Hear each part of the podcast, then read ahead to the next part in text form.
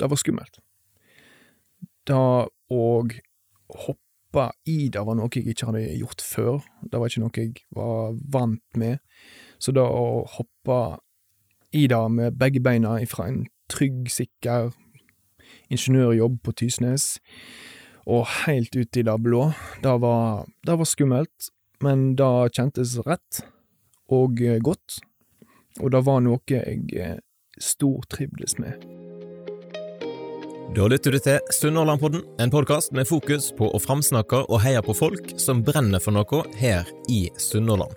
Du som lytter, vil bli bedre kjent med de som står på som gründere i næringsliv, idrett og kulturliv. Målet mitt er at podkasten skal bidra til en framsnakkingskultur, bulyst og økt kjennskap til alt det spennende som skjer i Sunnhordland.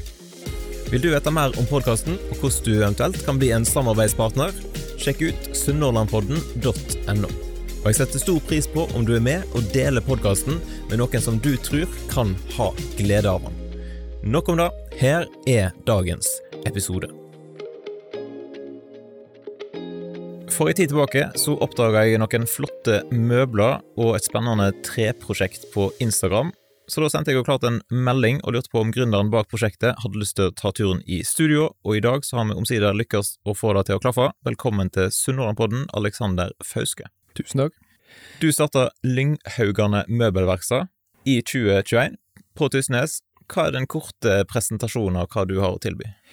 Eh, det jeg tilbyr, er skreddersydde, unike møbelløsninger, ofte lagd i edeltre, altså heltre eik og ask, valnøtt osv., i håp om at vi kan redusere bruk og kast av møbler som bare varer i et år og to, ifra typiske Ikea og Jysk. Så da lager jeg høykvalitetsmøbler, skreddersydd etter kundens behov og ønske og farge og utforming, sånn at de kan ha møbler som går i generasjoner rett og slett. Og dette skal du som lytter få høre mer om, og reiser som Alexander har vært på. Først er det kjekt å bli litt bedre kjent med deg og din historie, så hvem er Alexander? Jeg er 31 år, er tysnesing, har samboer og eh, to barn på to og fire. Aktiv, eh, veldig aktiv person. Veldig, veldig rastløs. Eh, det kan samboeren min skrive under på. Eh, liker veldig godt praktiske ting. Praktiske gjøremål. Er typisk en praktiker. En veldig handy mann, rett og slett? Ja, eh, handy eh, kan du si. Jeg er i hvert fall glad i håndarbeid og, og får ting til. og Liker å fikse ting. Ordne ting, bygge ting. Yes. Når flytta du første gang til Tysnes? Jeg flytta til Tysnes når jeg var tre, når jeg var tre år gammel. Eh, da flytta vi fra Os. Eh, begge foreldrene mine er fra Bergen, så jeg er egentlig en tilflytta tysnesing, da. Men jeg liker å kalle meg sjøl for tysnesing likevel. Og dere hadde litt slekt derifra før? Det har vi. Eh, Bestemora mi, mor til pappa, de hadde hytta på Malkenes ut forbi, rett ut forbi Lunde. Så han tilbrakte, tilbrakte somrene sine der. Og vi flytta der til da, som en følge av at han fikk seg offshorejobb. Så da flytta vi til Tysnes. Ja. Hvordan var det å vokse opp eh, på Tysnes? Det var herlig. Fantastisk. Det er jo ingenting som er bedre enn å bo på landet, spør du meg. Men eh, så hadde jeg jo lyst til å flytte vekk derifra, da, etter en stund. Det blir jo sånn når du er 15 og tenåring. Ja.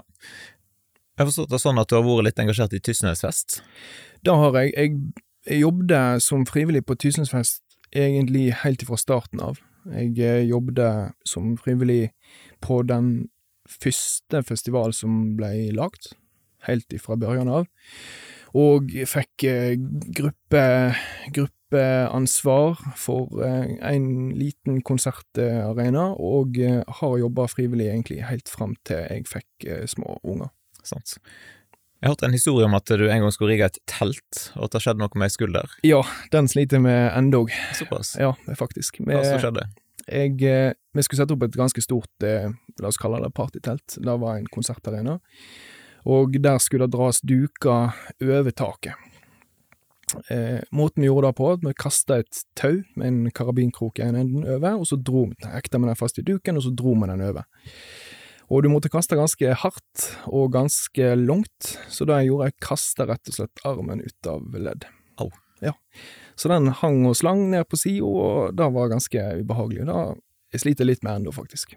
Hva skjedde videre? Fikk du han inn i ledd igjen sjøl, eller måtte du ha hjelp? Jeg, jeg måtte ha hjelp. Jeg måtte ha hjelp, og festivalsjefen kom eh, løpende og prøvde å prøvde å dra armen på plass igjen. Det fikk han ikke til. Så da var det rett og slett sjukebil til Stord. Såpass. Ja. Hardt på Tysnesfest. Ja, det tar på. Det er ikke for alle. Jo da, det er for Det er alle. for alle. Men eh, etter hvert så flytta du til videregående i Fusa. Det gjorde jeg. Jeg flytta til Fusa for å gå på videregående. Da gikk jeg på TAF, heter det. Tekniske allmenne fag, og tok fagbrev som CNC-operatør, eller maskinarbeider. Ja. Så der var jeg inne i fire år, og, eh, og jobba og gikk på skole. Forsto at du var elevrådsleder en stund.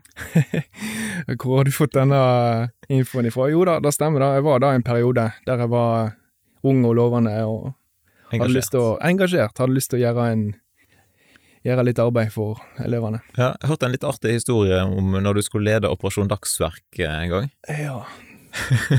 Du har gjort et godt stykke forarbeid her. Altså, Vi har jo jobba med dette her helt siden i går kveld. så- Ja, sant? Ja, ja, du har god tid på deg.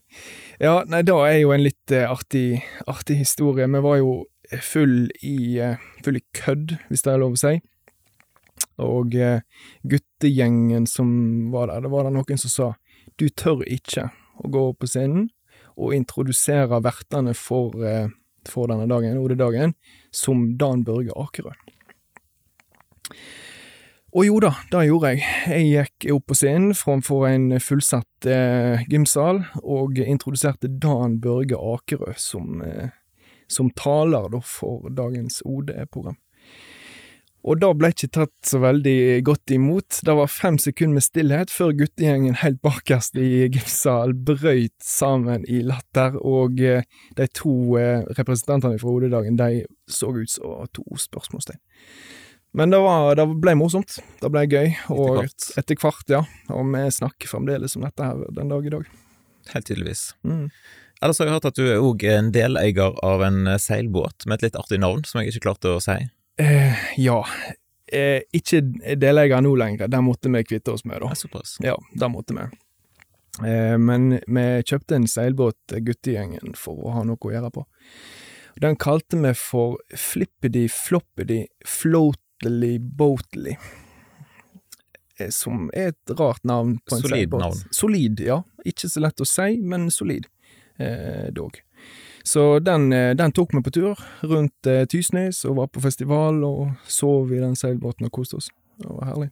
Det er fint med litt båtliv på, på Tysnes. Ja, det er jo en naturlig del av Tysnes. Eh. Båtlivet og Etter tida på Fusa, hvor Mm. gikk veien videre? Den helt naturlige veien da for meg å, å gå videre var på Ingeniørhøgskolen. Så jeg flytta til Bergen, gikk på Høgskolen i Bergen og tok eh, en bachelorgrad i allmenn maskinteknikk. Og eh, Så, så det, det tok tre år, pluss de årene jeg måtte bruke på å ta opp igjen litt fag. For jeg er ikke noen teoretiker, jeg er mer en praktiker. Men jeg eh, tok da en bachelorgrad i allmenn maskinteknikk. Så jobba du noen år. Det gjorde jeg. Jeg fikk jobb i et eh, firma som heter Frank Moen, eller nå heter det Framo. Framo Services, og da, da jobba jeg som reisende instruktør. Og det var en litt spesiell eh, jobb å få i en alder av 21.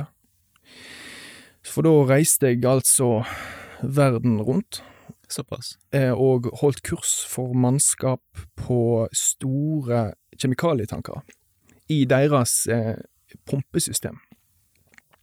Og det var ganske spesielt, for her kom jeg som nyutdanna ingeniør, kan ingenting om noen ting, og skal fortelle gamle sjøfolk hvordan de skal operere og vedlikeholde sitt system. Og da ble jeg møtt med misnøye, for å si det, for å si det sånn. Noen plasser. Andre satte pris på det, noen var ikke så veldig imponerte, da. Så da reiste jeg rundt omkring i hele verden, stort sett Asia, der det er mye skipsbygging. Så mye i Korea og Kina og Singapore og så videre. Såpass. Men eh, du slo deg ikke til ute i Østen? Du, Om jeg- du slo deg ikke til ute i Østen, du, du kom deg tilbake Jeg til kom meg Tysnes etter heldigvis eh, etter hvert tilbake og, og hjem igjen, så det ble korte turer. Det var eh, En tredjedel av året var reising, og det var fire, fem, seks dager om gangen. Så det var mye Det ble mange timer på fly. Sant. Men etter hvert så flytta du hjem til Tysnes. Det gjorde jeg. Da Hva fikk jeg, gjorde da? jeg fikk muligheten til å, å få en jobb på Tysnes. Jeg hadde alltid hatt lyst til å reise tilbake, flytte tilbake til Tysnes. Det er jo noe jeg er med å flytte hjem. Spesielt når du kommer fra sånne små samfunn som jeg, som jeg bor i.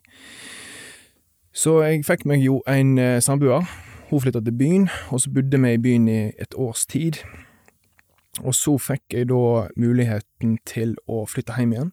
Fikk meg en eh, god jobb i et firma som heter Vågen, på, på Tysnes, som ingeniør. Som maskiningeniør, og da passet egentlig midt i blinken. Da fikk jeg muligheten til å flytte hjem igjen, og jobbe med det jeg, eh, det jeg hadde utdanna meg til. Så da fant vi oss en plass å bo på Tysnes, og flytta hjem igjen og stifta familie. Hvordan var det å flytte hjem igjen? Eh, for å sammenligne eh, bylivet og eh, Tysneslivet, så er det to helt forskjellige ting. Det er mye muligheter du ikke har på Tysnes, som du har i byen, men samtidig så har du mange andre muligheter på Tysnes, og jeg fikk eh, bli med igjen i, i guttegjengen, hvis du kan si det, og tilbake til alle barndomskompisene mine. Og jeg fikk større plass rundt meg. Jeg hadde familie og bekjente rundt meg, så, så, så det, var, det var deilig å flytte hjem igjen. Og det er en helt annen ro å bo på Tysnes enn det, enn det er å bo i byen. Så du fikk en god jobb som du var utdanna til. Etter hvert så, så kom denne tanken om å starte eget firma, eller starte for seg sjøl. Du må ta oss litt gjennom den reisa der. Da, da skal jeg gjøre. Da, da begynte jo egentlig med at vi overtok huset til foreldrene mine. Stort hus, stor garasje, for to år siden. Ja, i mars eh, 2021. Da overtok vi huset til foreldrene mine. De bygde seg et hus på nabotomta, så barnepasta var lett tilgjengelig. Veldig strategisk. Veldig strategisk. Så da eh, flytta vi inn i et stort hus, og i det huset, så, i kjelleren, så var det en hel stavel med eikeplanker. Som far min hadde skåret ned for 20 år siden. Han hadde bygd seg et eikebord, og det syntes jeg var kjempefint. Og så eh, lå det bare en stabel med masse eik. Og jeg visste jo, hadde jo aldri visst hva dette var, hadde egentlig aldri brydd meg noe særlig om det. Men så fikk jeg lyst til å bygge meg et spisebord sjøl. Jeg så på bordet som far min hadde bygd, og skåra skåret opp plank sjøl, så tenkte jeg "Eh, dette må jeg òg prøve på.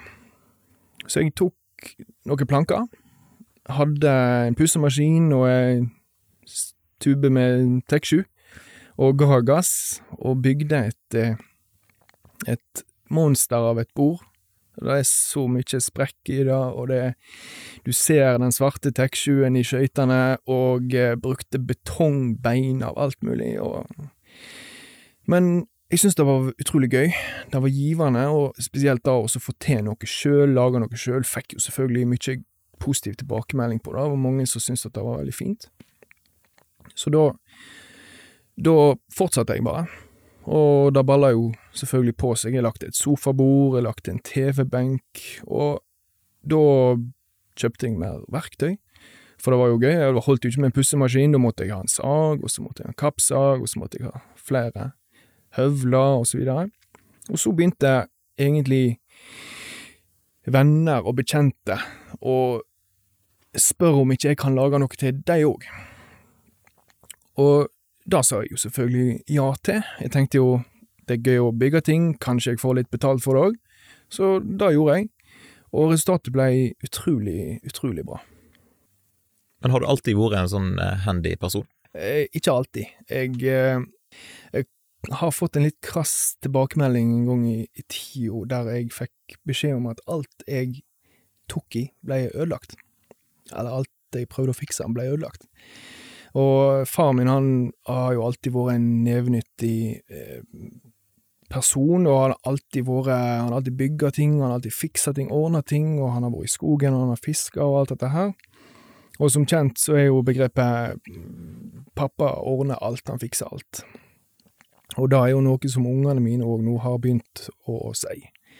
Har begynt å si. Eh, de sier at eh, pappa fikser, pappa ordner, ingen problem. Så det er jeg ganske stolt av, da. Men jeg har ikke alltid vært like handy eh, i den forstand, eh, da jeg fikk beskjed om at alt jeg tar i ble ødelagt. Eh, og det er ikke før nå i seinere tid at jeg har blitt eh, handy og har klart å bygge ting og fikse ting med egne never.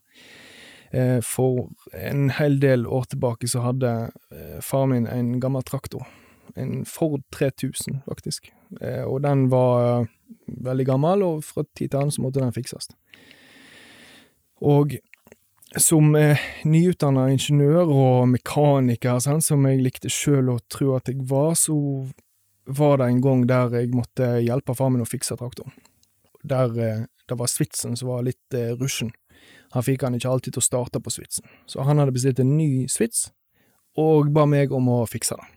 Med høye skuldre, skulle jeg si, så satte jeg i gang og eh, demonterte halve traktoren for å prøve å fikse denne her svitsen.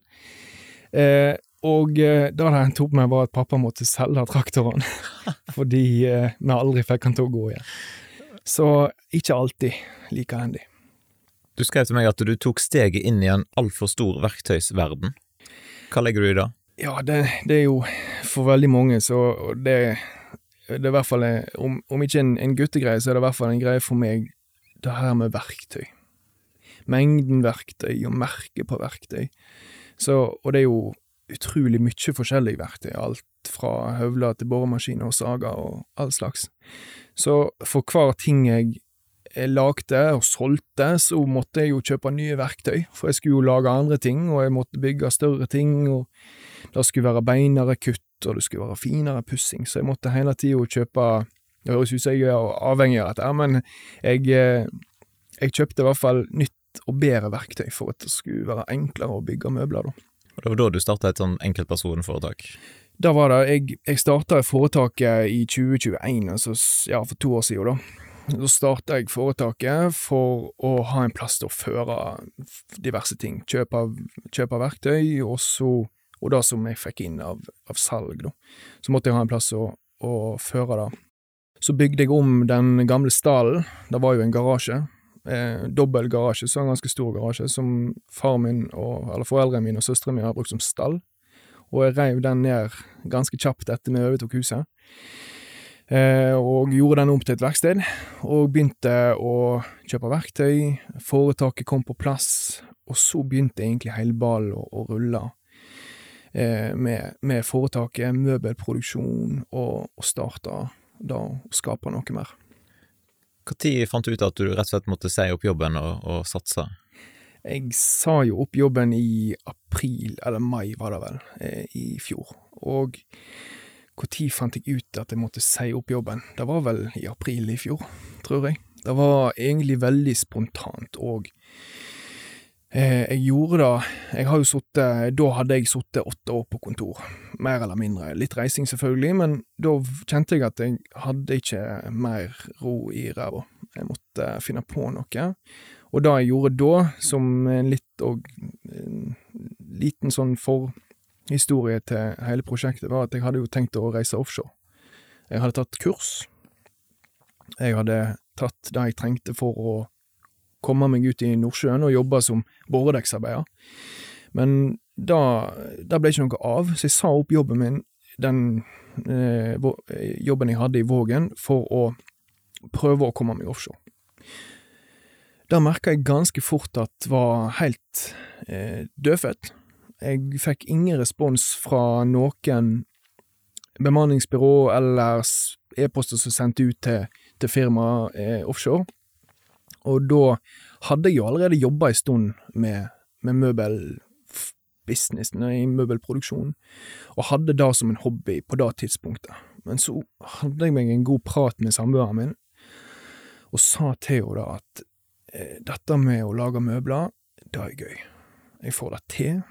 Jeg får mye respons i sosiale medier, og folk syns at jeg er flink. Kanskje det er det jeg skal gjøre. Så da da Da helte det litt den veien, og så, siden jeg allerede var arbeidsløs, så hoppet jeg i det. Jeg eh, gjorde det på fulltid fra første dagen jeg var arbeidsledig, mens jeg venta på å få en offshoretur, som jeg aldri gjorde, og så fortsatte det bare. Du må fortelle litt om hvordan det har føltes. Det var skummelt. Det å hoppe i det var noe jeg ikke hadde gjort før. Det var ikke noe jeg var vant med. Så det å hoppe i det med begge beina ifra en trygg, sikker ingeniørjobb på Tysnes og helt ut i det blå, det var, det var skummelt, men det kjentes rett og godt. Og det var noe jeg eh, stortrivdes med. Og det var ikke noe problem for meg å, å jobbe ifra jeg sto opp om morgenen til jeg gikk og la meg om kvelden, men dette hele dagen kunne jeg ha jobba med det. Og det var, det var en stor forandring, stor forandring i arbeidshverdagen. Det gikk ifra å være en kontorjobb der jeg satt i ro, til å være en veldig praktisk eh, håndverk, håndverkerjobb, som der jeg kunne bare bygge, konsentrere meg om å lage ting som jeg sjøl syns var fint og flott, og, og givende, ikke minst. Og, så det var lett og rett valg. I dag er episoden sponsa av Tysnes Kraftlag.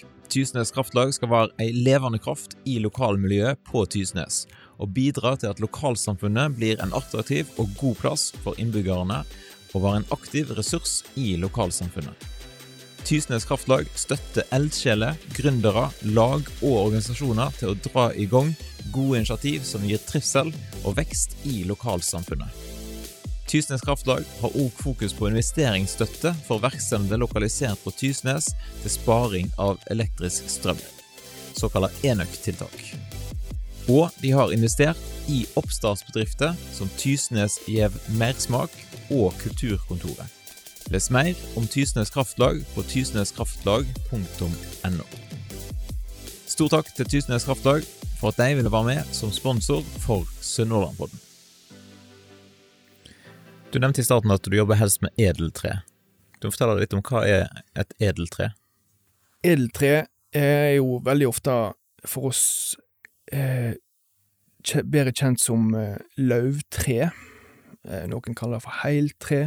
Men det er altså typisk eik og, og ask som er de hardeste eh, tresortene vi har i Norge. Og det er til sin motsetning da furu og, og gran. Det er kanskje ikke edeltre. Edeltre er hardere, sterkere, de tåler mer, og de har høyere brennverdi. Eh, Det betyr egentlig bare at det er et, en sterkere tresort som, som tåler mer og kan bygge eh, kraftigere møbler med. Men hvor får du tak i sånt materiale?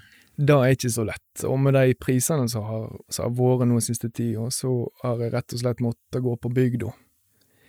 Hvordan ser det ut? Eh, ja, det kan du si. Eh, jeg, har, eh, jeg, har vært, jeg har vært veldig heldig. Jeg har, vært, jeg har hatt mange gode naboer og mange bekjentskap rundt omkring på Tysnes som har hatt liggende på låv, og så har de hatt en stabel med eikeplank, eller de har hatt tømmer som de har hatt liggende. Så, som jeg har fått, eller har fått for en, en billig penge. Så jeg har vært rundt omkring og, og hørt og snakka med folk, og jeg har fått, eh, jeg har fått veldig mye hjelp i starten. Det som var den store utfordringa, var jo at det er ikke tørt, det materialet. Og selv om han har ligget under en presenning i ti år, så er han fremdeles ikke tørt. Eh, Så er det fremdeles ikke tørt. Og det har jeg slitt med nå i starten, da. Så det har vært en veldig bratt læringskurve akkurat på det med material. Men Har du òg sagt noe sjøl? Jeg har sagt sjøl. Heldigvis så har jeg en svigerfar som har et sagbruk. Og han, Praktisk. Ja, det er veldig praktisk. Så jeg har fått tak i tømmer. Jeg har, fått, jeg har sagd ned tømmer sjøl, og det står jo ganske mye edeltre, eller edeltrær rundt omkring på Tysnes. Det er mye ask, og det er mye eik. Heldigvis.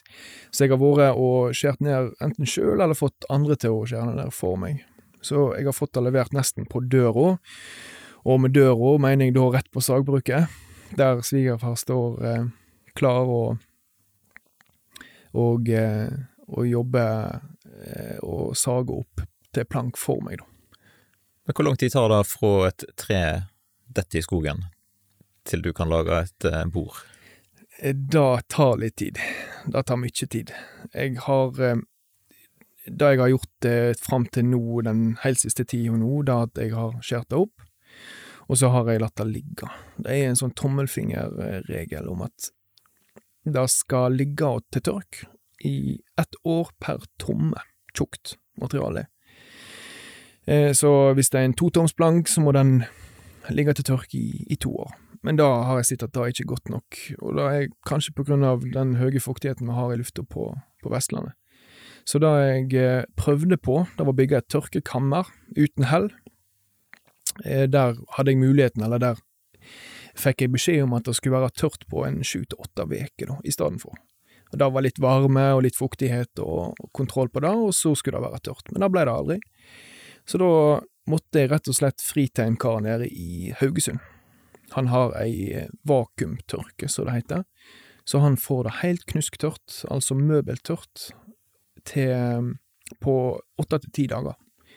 Så han har vært en veldig god samarbeidspartner nå i starten. Men hva behov er det du tenker at eh, du skal dekke? Jeg skal dekke det behovet som jeg har sett har kommet mer og mer nå den siste tida, og det er at folk ønsker seg møbler med høyere kvalitet, som varer i mer enn ett, to, tre år. Typisk møbler fra Ikea og Jysk, og kanskje òg faktisk Bohus og Skeidar, som ofte er lagd av laminerte plater, eh, MDF, eller finer, kryssfinerplate. Og det har en tendens til å, å ikke vare så lenge. Du får noe skrap i det, og så dulter du det borti litt, og så er det egentlig ødelagt. Det mister på en måte det, eh, det utseendet som, som var fra starten av. Så det, det jeg har lyst til, det er å komme meg inn på det markedet der behovet for høykvalitetsmøbler som varer i generasjoner, de kan gå i arv, de tåler mye mer, og de tåler tidens tann, så de holder seg bedre og kan, kan brukes i mange, mange år.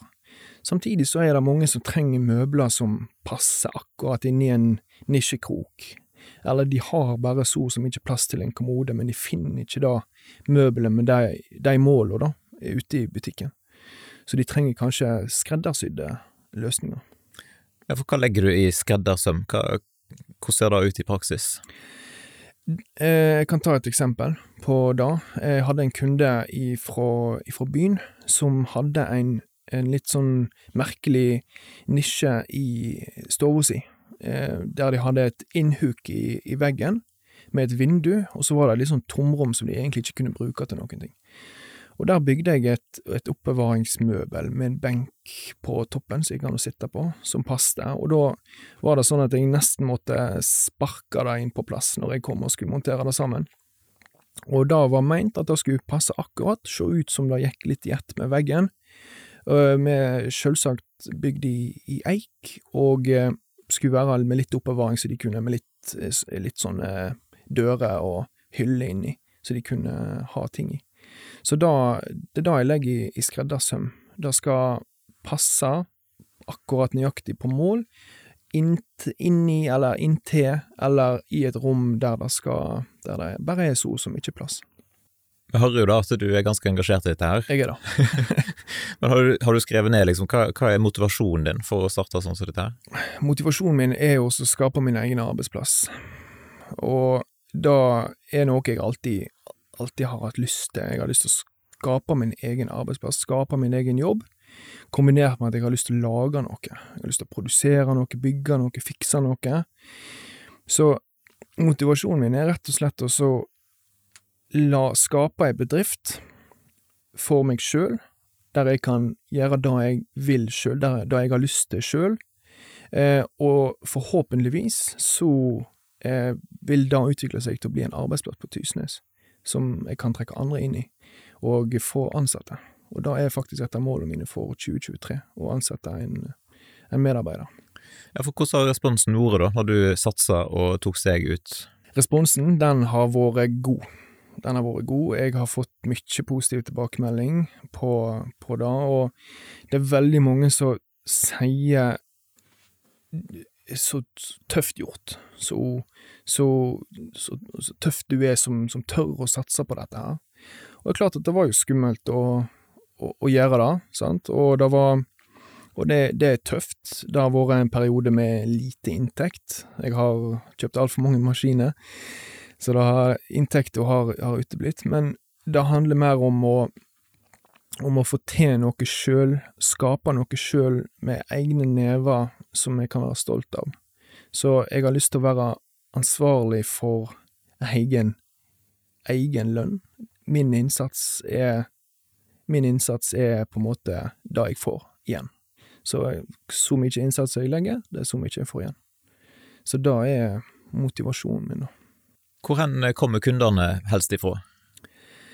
Skulle til å si Instagram, men eh, du mener geografisk? Jeg tenkte litt geografisk, men du ja. kan jo for så vidt òg si litt om Instagram. Eh, geografisk er det jo stort sett tysnesinger, eller bekjentskap av tysnesinger, eller eller folk som har hytter på Tysnes, eller eh, kjenner til noen som kjenner til meg. Og eh, i hvert fall nå i starten har det vært veldig mye venner og bekjente, og Jungeltelegrafen har jo vært mitt desidert beste kan du si markedsføringsplattform, om du kan kalle det det. Men Instagram kom jo òg på banen i fjor. Eh, når jeg starta for fullt med firmaet, så starta jeg òg ei Instagram-side og publiserte eller la ut mye av det jeg holdt på med. La ut eh, et ferdige produkt, og fikk mye god respons på, på det. Og jeg tror at i sammen med Jungeltelegrafen, og at folk var så imponerte over det som jeg laga, og satte så stor pris på at det var en lokal møbelprodusent på Tysnes, at de hjalp meg med å få ordet ut, og satt, har rett og slett fått et merkenavn. Så folk kjenner til meg på Tysnes og rundt omkring. Ja, Det blir jo rimelig kortreist eh, da, både når du går i skogen og henter tre, eller i naboløa, eh, og leverer møbler på Tysnes. Er dette med kortreist eh, viktig for deg? Det er klart det er klart det, da. Og eh, spesielt med tanke på det markedet, det geografiske markedet som jeg har hatt til nå, som har vært tysnesinger, så tror jeg de setter pris på både da kortreiste, men òg at det er mitt navn, en lokal tysnesing, som, som setter navnet sitt på det. Og eh, da kortreiste er selvfølgelig, selvfølgelig viktig, og med tanke på mat material òg, så er det viktig for meg. Det er ikke noe problem for meg å gå på gå inn i en butikk eller på en nettside og bestille med material. Europeisk valnøtt ifra Tyrkia, eller Sverige, eller hvor som helst så, så er ikke det noe problem, men jeg setter heller pris på å følge hele prosessen ifra, ifra skal jeg si, nøtt til ferdig møbel. Da blir det å ta det litt Du har veldig jeg har, Så god tid har jeg ikke. Så god tid har jeg ikke. Men jeg, men jeg, jeg tar ned trær sjøl. Helst i nabolaget, så sant det går an. Og jeg bruker lokal tømmer fra Tysnes. Får det saga opp, tørka og brukt. Og da tror jeg mine kunder på Tysnes setter pris på. Helt klart. Hva vil du si er det kjekkeste du har lagt? Kjøkken. Hvorfor? Kjøkken. Det var utfordring i alle ledd. Det var en eh, kjempestor bestilling som jeg i går blei ferdig med, faktisk. Og der var det en det var en utfordring i hvert eneste hjørne og hvert eneste ledd. Og det har vært en lang prosess. Jeg begynte på prosjektet i høst, der vi begynte å tegne. Og vi har jo tegna hele kjøkkenet i 3D, og lagt eh, alle tegninger, og det var mye bestillinger på, på material som jeg måtte ha for å bygge det. Så det var da økonomiske utfordringer med å på en måte fronte så, så stor del, for det var jo dyrt. Det er dyrt å, å bygge kjøkken. Og eh, jeg måtte være helt sikker på å få tørrmaterial. Det var det viktigste. Så jeg kontakta faktisk et, et møbel, eh, en møbelprodusent i Kristiansand. Eh, for jeg veit at de er flinke til å lage kjøkken i heltre eik. Og de hjalp meg faktisk litt, da. På, på vei og ga meg litt tips og triks til hvordan jeg kunne få det til. Så det var en utfordring, definitivt, men resultatet ble fantastisk. Ja, det mener jeg så en uh, video på det i går. Den kan sees på Instagrammen min, ja. Ja, det må folk inn og se. Det er imponerende. Hva er det minste prosjektet du, da? Ifra kjøkken til Eh, det minste prosjektet, det var litt absurd eh, prosjekt, faktisk. Jeg, det, var ei, det var ei dame, som, ei gammel dame som ringte til meg og spurte om jeg kunne trekke om en stol. Og da driver jeg jo òg med litt reparasjon av eldre møbler. Det er sånn som jeg tar litt innimellom. Og så var det ei, gammel dame som var fra Bergen, som hadde hørt av meg, og spurte, ringte til meg og spurte om jeg kunne trekke om en stol for henne. Og det var en helt vanlig pinnestol. Og jeg sa ja, det kan jeg helt sikkert gjøre, bare kom innom med stolen du, så skal jeg se på det. Og så tok det litt tid, og så hørte jeg ikke noe mer, og så plutselig så sto hun på døra mi, hadde med seg en, hadde med seg en av disse gamle pinnestolene som hadde et, et trekk på seg, og så, der det var ei pute med et trekk, og så hadde hun med seg et nytt trekk, og så spurte hun om jeg kunne ta det nye trekket, og så stifte det på. Der var det. der var det hele. Så sa jeg Jeg sa det ikke, da, men jeg tenkte dette her kunne jo nesten hvem som helst få til. Skal jeg bruke tid på dette her? Men så tenkte jeg ja, jeg må nesten da. Det er ingen kunde for stor, ingen kunde for liten, på en måte. Så jeg eh, satt den naturligvis eh, rett til sides, den stolen, eh, sånn som eh, det ofte blir, og tenkte denne her tar jeg når jeg har, når jeg har tid.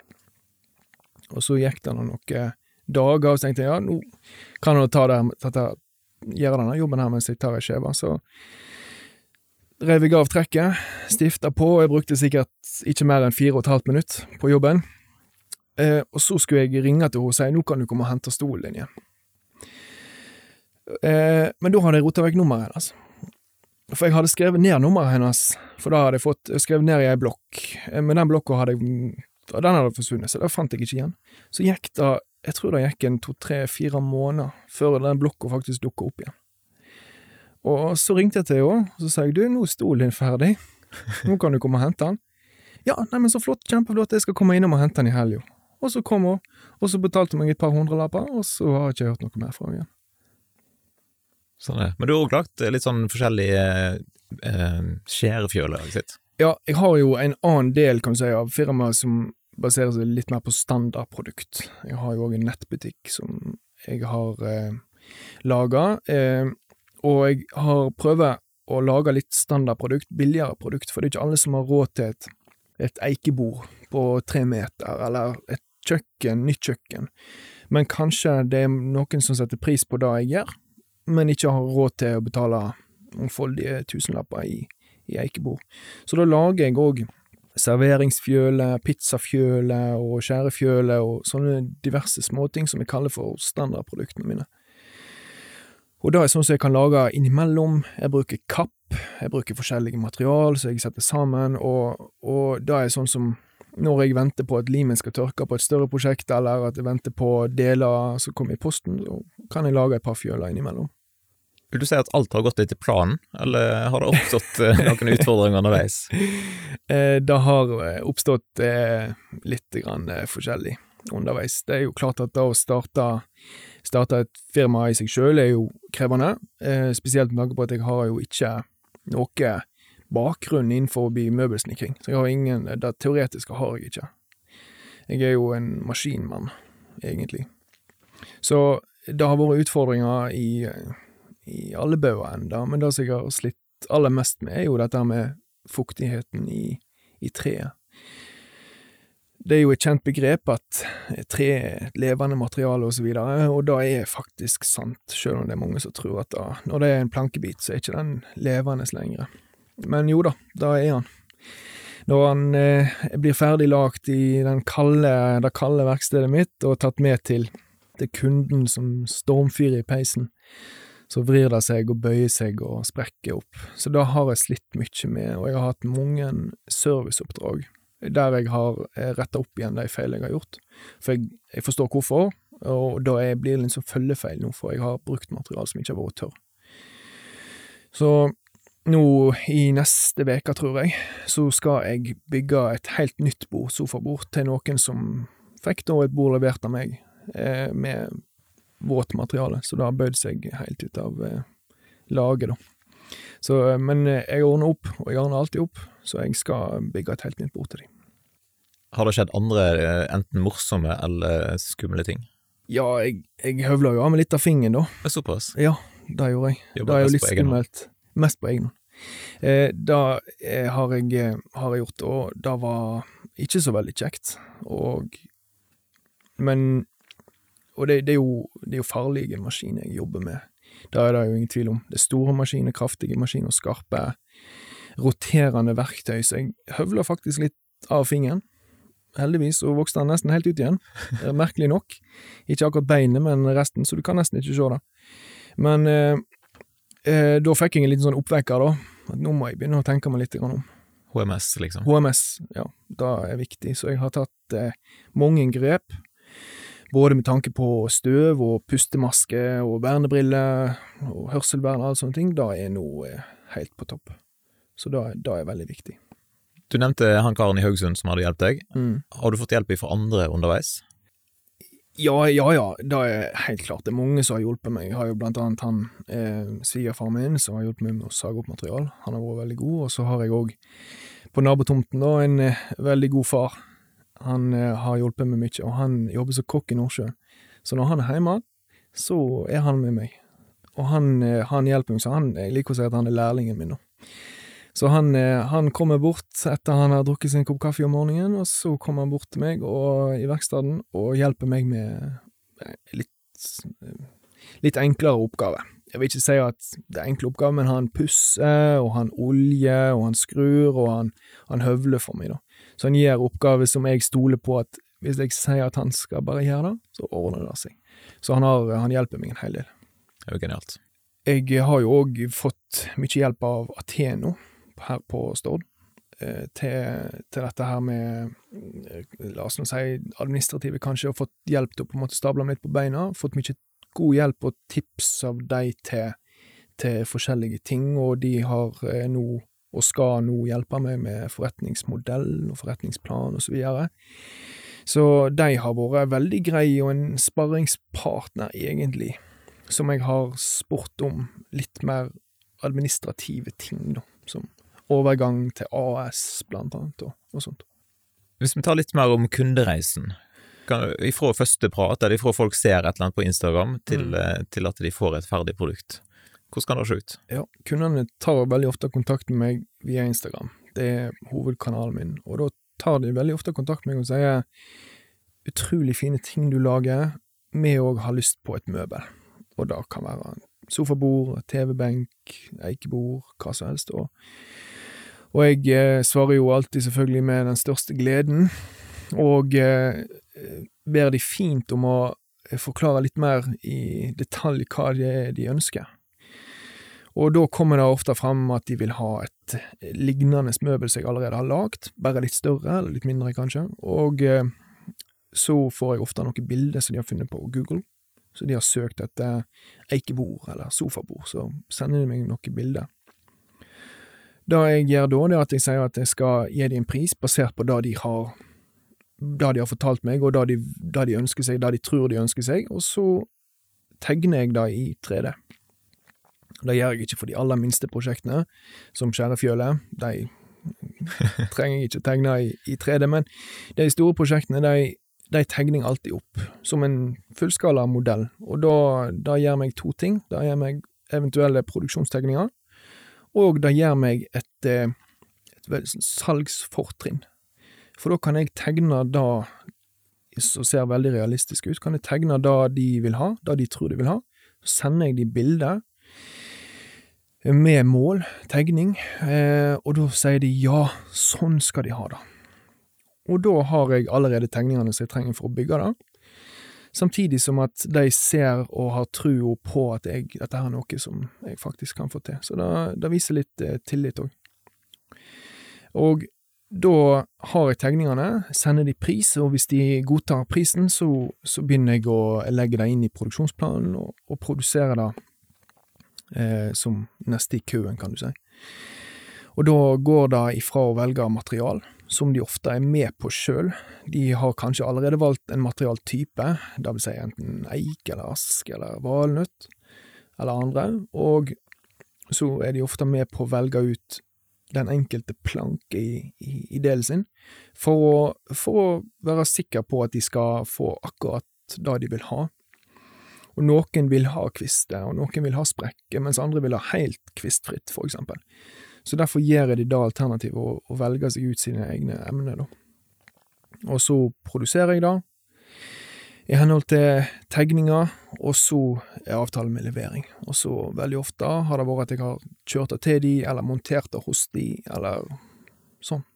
Du nevnte kø, produksjonskø. Hvor lang er den køen hvis jeg vil ha et bord til, til sommeren?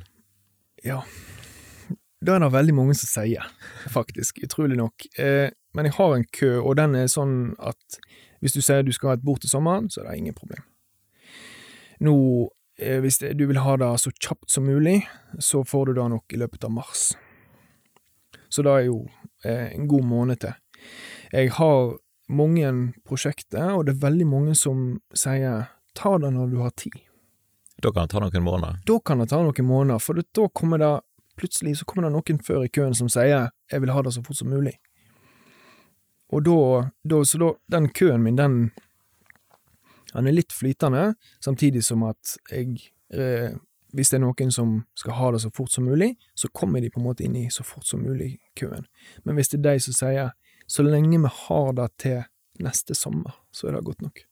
Da kommer de på en måte Da blir det ferdig før neste sommer, men eh, kanskje ikke neste måned. Sant. Du har for så vidt nevnt litt om det, da, men mottagelsen på Tysnes, da å starte opp for seg sjøl sånn som du har gjort, mm. eh, har du fått eh, tilstrekkelig med heiarop? ja, og vel så da.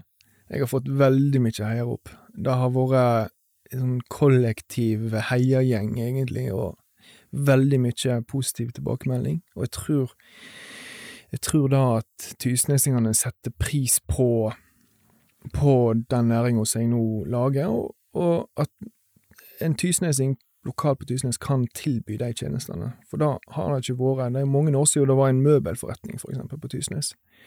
Og jeg tror at det blir mer og mer populært å handle skikkelige møbler, gjerne lokalt, da kortreist er jo veldig fokus for tida. Så da at tysnesingene har det tilbudet nå, da tror jeg de setter pris på. Og da har de vist òg. Det er gode kunder av meg som bestiller igjen og igjen, og de viser tillit. De forstår jo at jeg er en nyoppstarta bedrift, og det er en viss risiko. Viss, en viss risiko med det, men de satser på meg, og de tør å, å bestille eh, møbler.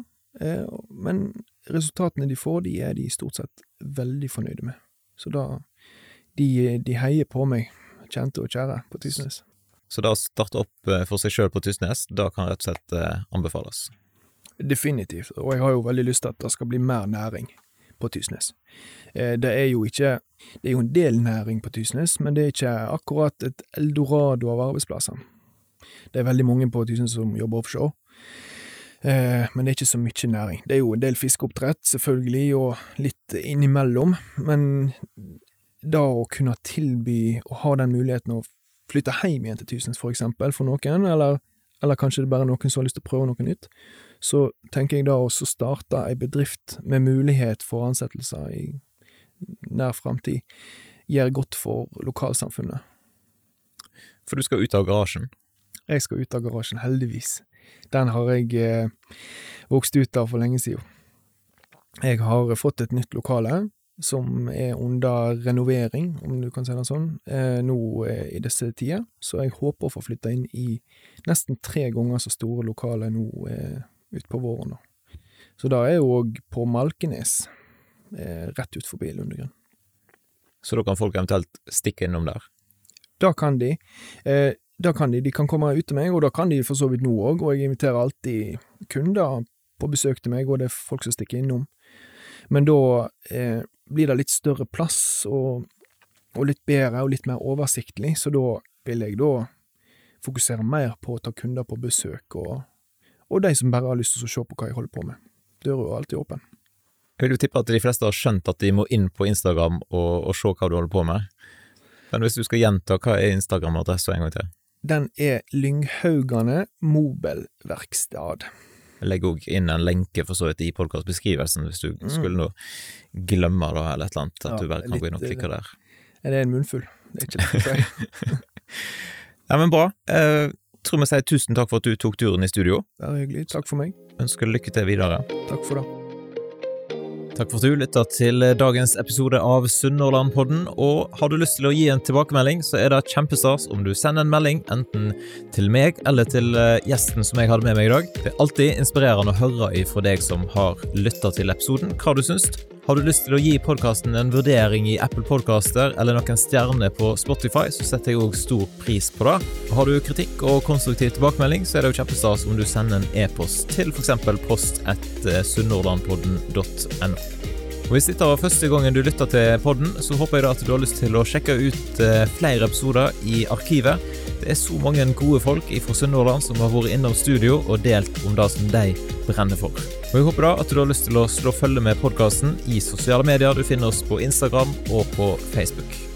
Det er òg veldig flott om du har lyst til å sende inn eh, ønsker og tips om personer som du mener bør være med i podkasten framover. Da ønsker jeg deg en fin dag, og så poddes vi plutselig igjen hvis alt går etter planen.